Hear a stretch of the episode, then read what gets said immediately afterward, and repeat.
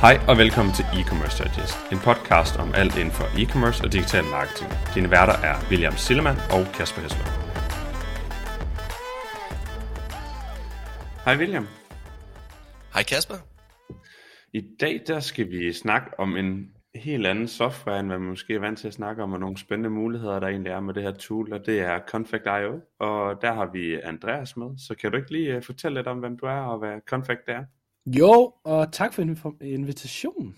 Øhm, jeg hedder Andreas, jeg er en af medstifterne af Confect, og jeg er lidt øh, snottet og forkølet i dag, så hvis det er første gang nogensinde, du hører min stemme, så, så lyder jeg ikke så musset her øh, hver evig eneste dag.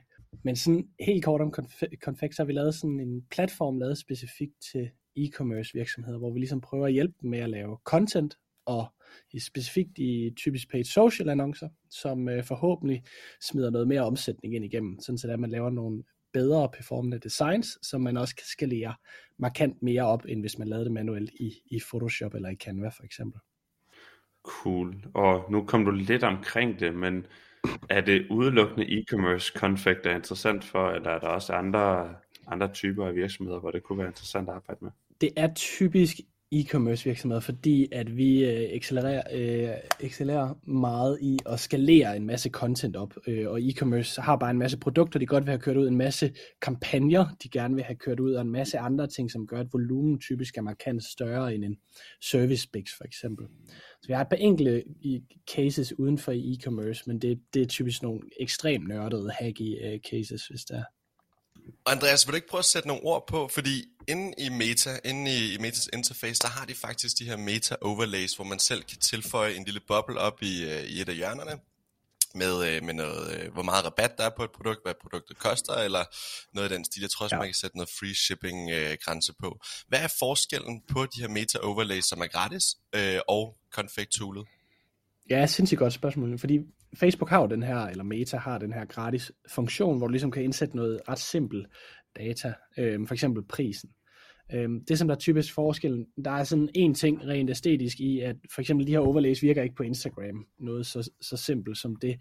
Øh, så der er en masse steder, hvor du faktisk ikke kan få dem ud, og det andet er, at det typisk ikke ser så pænt ud, det som du, du faktisk øh, får lavet ud. Så typisk så har man jo set det her, hvor ens top funnel annoncer, de ser sindssygt godt ud. Det er ens designer, der har lavet dem i Photoshop. Og så lige så snart man ryger ned i, i remarketing-delen, eller til de her dynamiske annoncer, så ligner det hele bare noget bras, fordi det bare er produktbillederne på hvid baggrund, og det er så det eneste. Så, så den store forskel er, at du får fuld frihed, ligesom hvis det var i Photoshop, du sad og lavede hver eneste design, kan man sige. Så du ligesom ændrer det, det hele, øh, og lave noget, et, et markant mere avanceret setup for mig der virker det godt nok, øh, virker det godt nok skørt, at, at, at der er et meta-overlay, som slet ikke fungerer inde i Instagram. Det virker da helt skørt. Er det ikke det? Jo, men det er meget, når man så giver øh, platformene den her magt, eller hvad man kan sige, så er det jo lidt ud fra, hvad der passer til hver platform, og jeg tror, det er fordi Instagram er en markant mere visuel platform, så Meta gerne vil have de her typisk halvgrimme prissplashes, eller, eller noget i den stil øh, ud af, af den ligning. Giver mening. Andreas, vil du ikke lige prøve at løbe igennem nogle af de funktioner, som der er i Config.io? Nu snakker du lidt om det her med, at inde i Meta, der kan man bare lige putte en, øh, en, en halvgrim øh, prisboble op i, i hjørnet, men med Config, der snakker du om det her med, at man kan putte nogle baggrunde på og øh, øh, redigere det meget mere visuelt, og lave sådan et, et template for hvert produkt, så vidt jeg forstår. Ja. Vil du ikke prøve at sætte nogle ord på, hvilke funktioner sådan, man får med Config?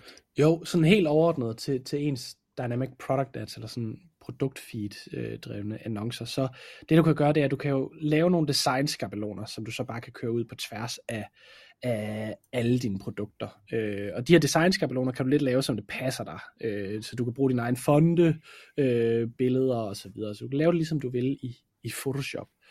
Og oven på det, så kan du så indsætte alle de her dynamiske informationer om produktet. Det kunne være pris, hvilket brand det er, så indsæt brandlogoet øh, ud fra det.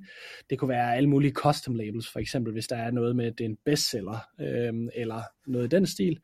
Og så kan du så begynde at customize det ned til det ud fra det enkelte produkt, øh, eller ud fra, fra kampagner. Så for eksempel sådan noget med, at alle produkter, der er på tilbud, der vil vi godt køre det her øh, meget tilbudsdrevne design, og alle vores normalprisprodukter vil vi godt køre det her design.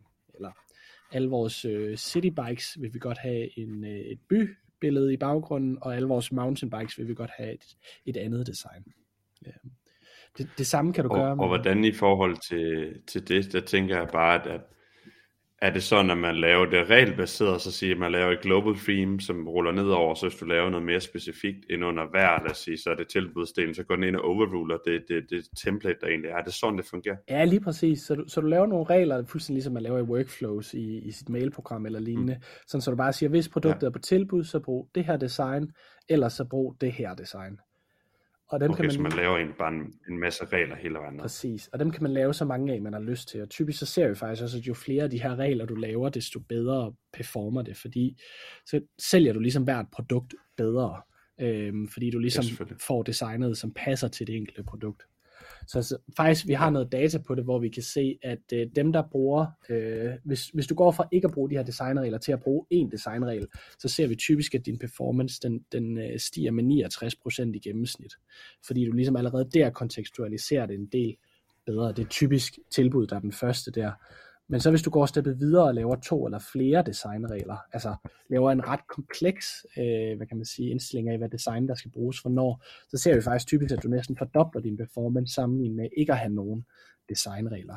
Og det kan jo være enten at gå nitty gritty i de enkelte brands eller kategorier, men det kan også være sådan noget med at smide en masse kampagneregler oveni. Så hvis det er, at øh, for eksempel det er påske, jamen så kører vi det her påskedesign for eksempel. Så, så jo bedre du er til at opdatere designsene i din Dynamic Product Ads med de her regler for eksempel, desto bedre performance ser vi også typisk.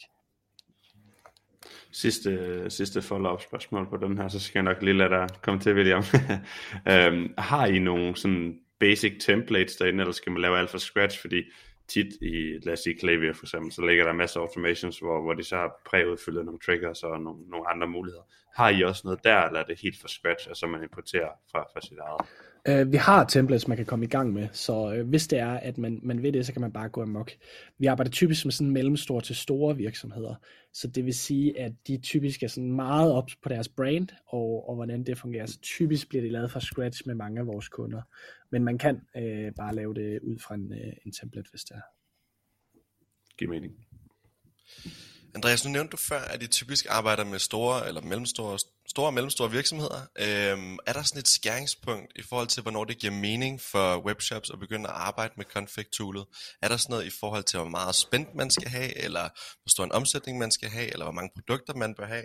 Er der nogen, det her ikke giver mening for, og hvornår giver det mening øh, for folk at begynde at bruge, øh, hvis de er øh, konsumenter for det her produkt, hvis man kan sige det sådan? Ja, helt 100. Det, fordi det er der nemlig, og vi kan, vi, vi kan se ret stor forskel i, hvem der faktisk får succes med konfekt, og hvem der ikke gør.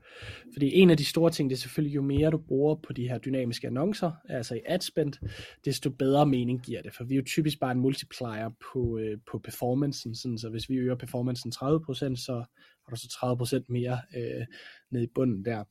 Så, så det er sådan den ene ting, at jo mere du spenderer, desto, desto bedre mening giver det. Der ser vi typisk, at fra en 10.000 kroner om måneden i dynamiske annoncer, det er typisk der, hvor det giver øh, god mening. Øh, så har du så brand-aspektet oveni, men hvis vi bare lader som om, at øh, der er ikke noget, der hedder brand, så er det sådan rent øh, på, på performance, så ser vi typisk, at skæringspunktet er fra 10-15.000 kroner om måneden på, på de dynamiske annoncer.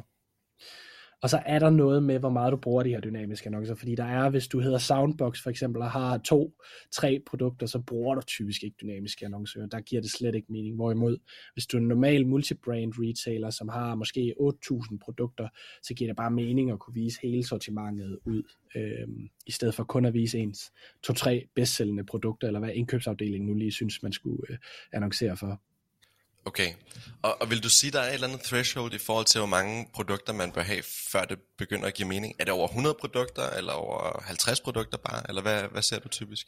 Ja, men typisk så faktisk, øh, hvis du har sådan noget som 20 produkter, for eksempel sådan en case of Barons, øh, har jo måske, hvad ved jeg, 20 skjorter, og, og de går så bare sindssygt nørdet ned i de 20 skjorter i deres dynamiske annoncer, øh, hvor det er det stadig lidt overkill at lave 20 forskellige kreativer i Photoshop, og skulle holde dem up to date hele tiden. Mm Øhm, mm. så, så der er det, det giver mening selv ned på 20 øh, produkter og, der, og derfra opad, men du arbejder typisk anderledes med det, hvis du har 20 produkter, hvor du har lidt mere kontrol over hver enkelt design eller produkt, sammenlignet med hvis du har 8.000 produkter eller 50.000. Øhm, det giver mening. Ja. Og hvad, Andreas, når man så beslutter sig for, at øh, man synes, de her øh, config-annoncer, de ser, ser mega fede ud, øh, de her templates, som I har inde i, i jeres tool, og man gerne vil begynde at arbejde med øh, nogle, nogle lidt federe dynamiske øh, øh dynamic product ads, end de her meget plain øh, øh, dynamic product ads, man, man kan lave i Meta. Hvad, hvad, hvad kan man forvente, når man implementerer øh, et, et tool som Confect? Kan man forvente en stigning på 10, 20-30 procent. Øh, selvfølgelig afhænger det meget af, af hver enkelt case, men hvad, hvad, hvad kan man sådan cirka forvente? Ja, men du, du har fuldstændig ret i det, William, fordi det vi faktisk ser, det afhænger mest af, det er, hvor godt et design man laver.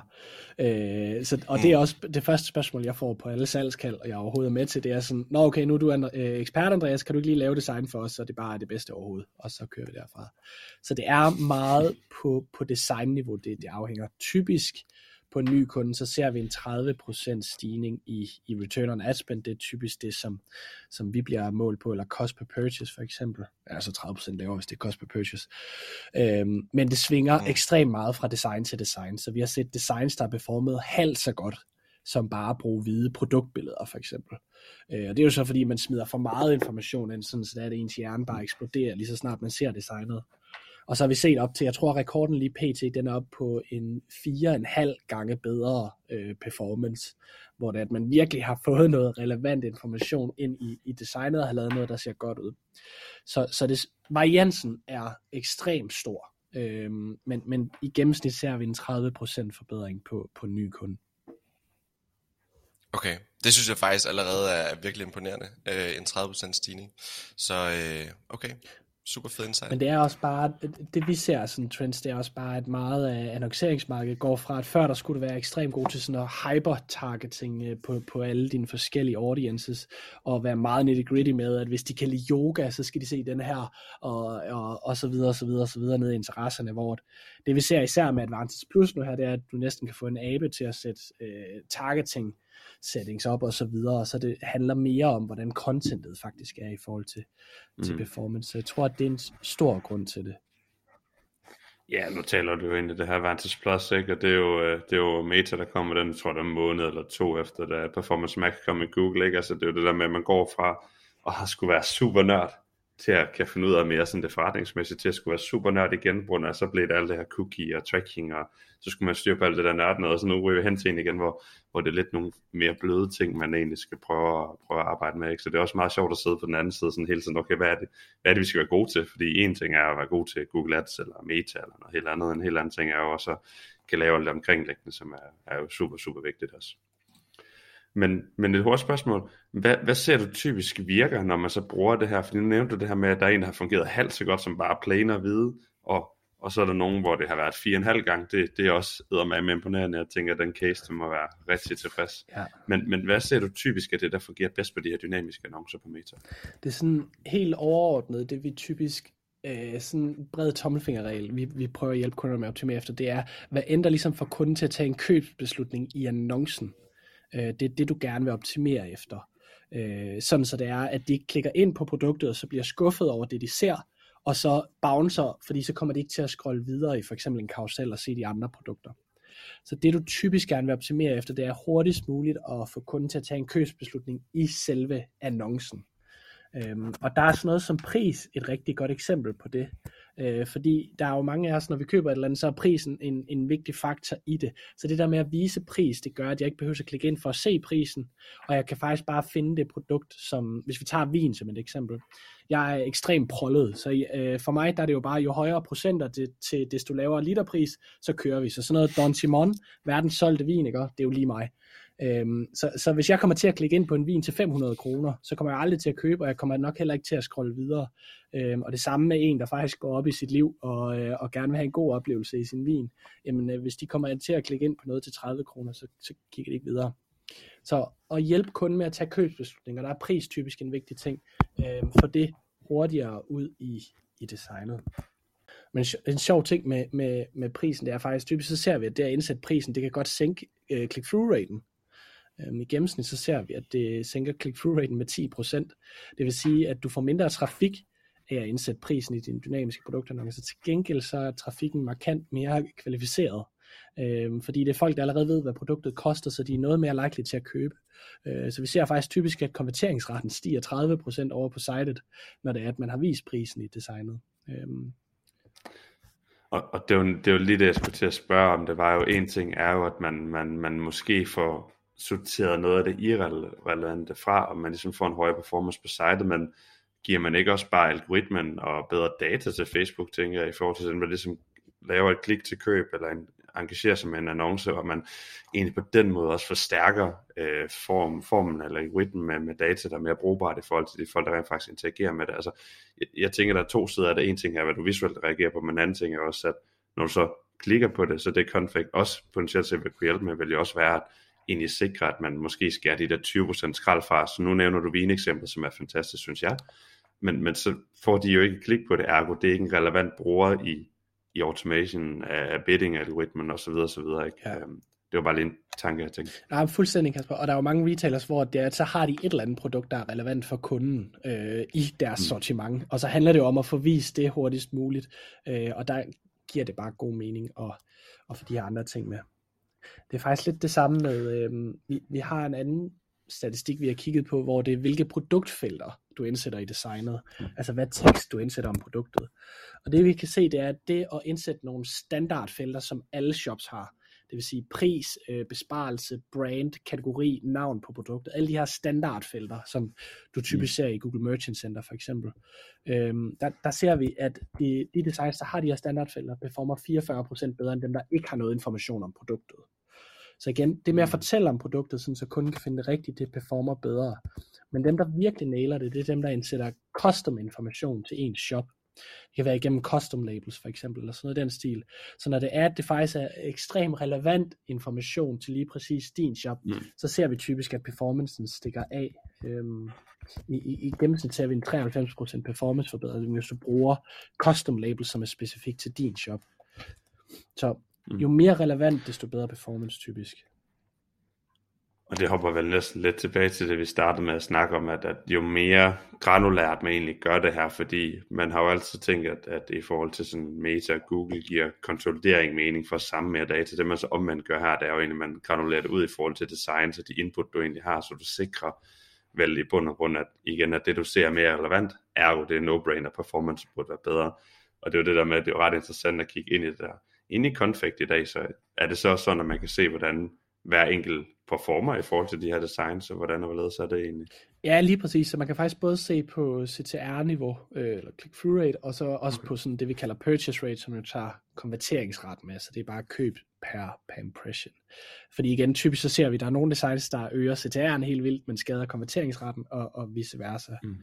Øhm, det, det der så er med dynamiske annoncer, det er at typisk så laver, får man ikke lavet så mange designs sammenlignet med for eksempel det man kører i sin top funnel, det man laver i, i Photoshop eller Canva. Mm. Så nogle gange er det lidt mere øh, kedeligt at se på, på den statistik.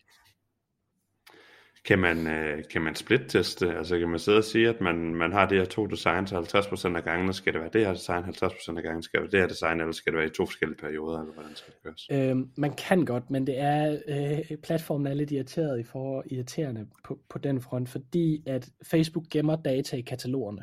Så det vil sige, hvilke mm. kunder er interesseret i hvilke produkter, det gemmer det ligesom i kataloget, ligesom de gemmer data i kampagnerne om noget andet. Øhm, så det vil sige, når man skal teste ting af, så er det typisk at lave sprit nye kataloger, som så ikke har noget data. Nu bliver det lidt nørdet, men, men, men det vil sige, det er en ret dyr ting at teste af, fordi man skal starte fra mm. scratch en, en del gange og give en del budget til det, for de kommer op to speed. Øhm, vi, vi er ved at kigge internt i, om, man ikke kan, om vi ikke kan lave noget, noget andet, men det er, det er noget sværere at teste af end, end almindelige annoncer. Cool. Mit sidste spørgsmål egentlig, Andreas, det er egentlig, er der noget, man så skal være især opmærksom på, når man bruger Config? Fordi der er jo et hav af muligheder, der er hav af ting, man kan gøre, men er der noget, man bør være især opmærksom på, hvis man bruger det kontra, hvis man faktisk slet ikke brugt det? Kan du uddybe det spørgsmål? Sorry, Kasper. Ja, yeah. så hvis man for eksempel putter det her design template på osv., så, så, så går man jo en vej, øh, hvorimod ikke man putter det på, så, så vil det hele jo være ens er der nogle sådan faldgrupper, man, man, man som hvad man kan sige, I ser normalt, at hvis folk begynder at bruge det her, så glemmer de ofte at, at, at gøre noget på det her område, eller det her område, som, som hindrer en positiv udvikling over tid, for eksempel, at man laver et eller andet set and forget, eller et eller andet. Ja. Er, der, er der noget der? Ja, det er da helt 100, fordi at man kan sige, dynamiske annoncer, det er meget øh, marketing nørdet, og det er sådan ting, som altid bliver set som noget always on, evergreen, det kan bare ligge og køre for sig selv. Og, og de to mm. ting er lidt farlige i sig selv, fordi at øh, for det første, fordi det er marketingnørdet, så mange virksomheder, de sætter deres marketingfolk til at lave designsene, i stedet for designere til at lave designsene. Øh, og det kan jeg allerede sige nu, det kan nogle gange give nogle ekstremt grimme designs, og sætte øh, folk, der elsker Facebook-algoritmer osv. til at skulle sidde og lave, lave designs. Øhm, så, så det er typisk en af de faldgrupper, vi, vi ser, hvor at man, man sætter nørderne, eller marketing, øh, Facebook, algoritmenørderne til at lave designs, i stedet for dem, der kan finde ud af det. Øhm, det andet, det er netop det her med, at der er mange, der bare sætter og forgætter det, øh, hvilket er, vi kan se performancemæssigt, så giver det meget bedre mening faktisk at behandle det som en almindelig marketing øh, kampagne, altså hvor du faktisk også ændrer designet, når du har kampagner, og så videre og så videre og så videre. Vi har kunder, der ikke har opdateret deres designs i to-tre år, øhm, og, og, og, og det giver typisk bare ikke mening, øh, eller altså det giver stadig mening, det er bedre end ikke at køre noget, men du misser mm. bare ekstremt meget på det. Ja, så må vi håbe, de, øh, de hører med, øh, ja. så de kan få ændret deres designs. Tag sammen.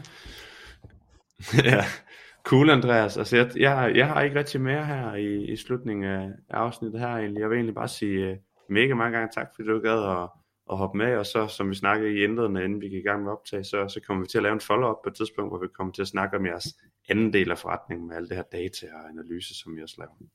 Tusind tak, fordi jeg måtte komme med. Det har været super fedt. Tak fordi du lyttede med til dagens episode.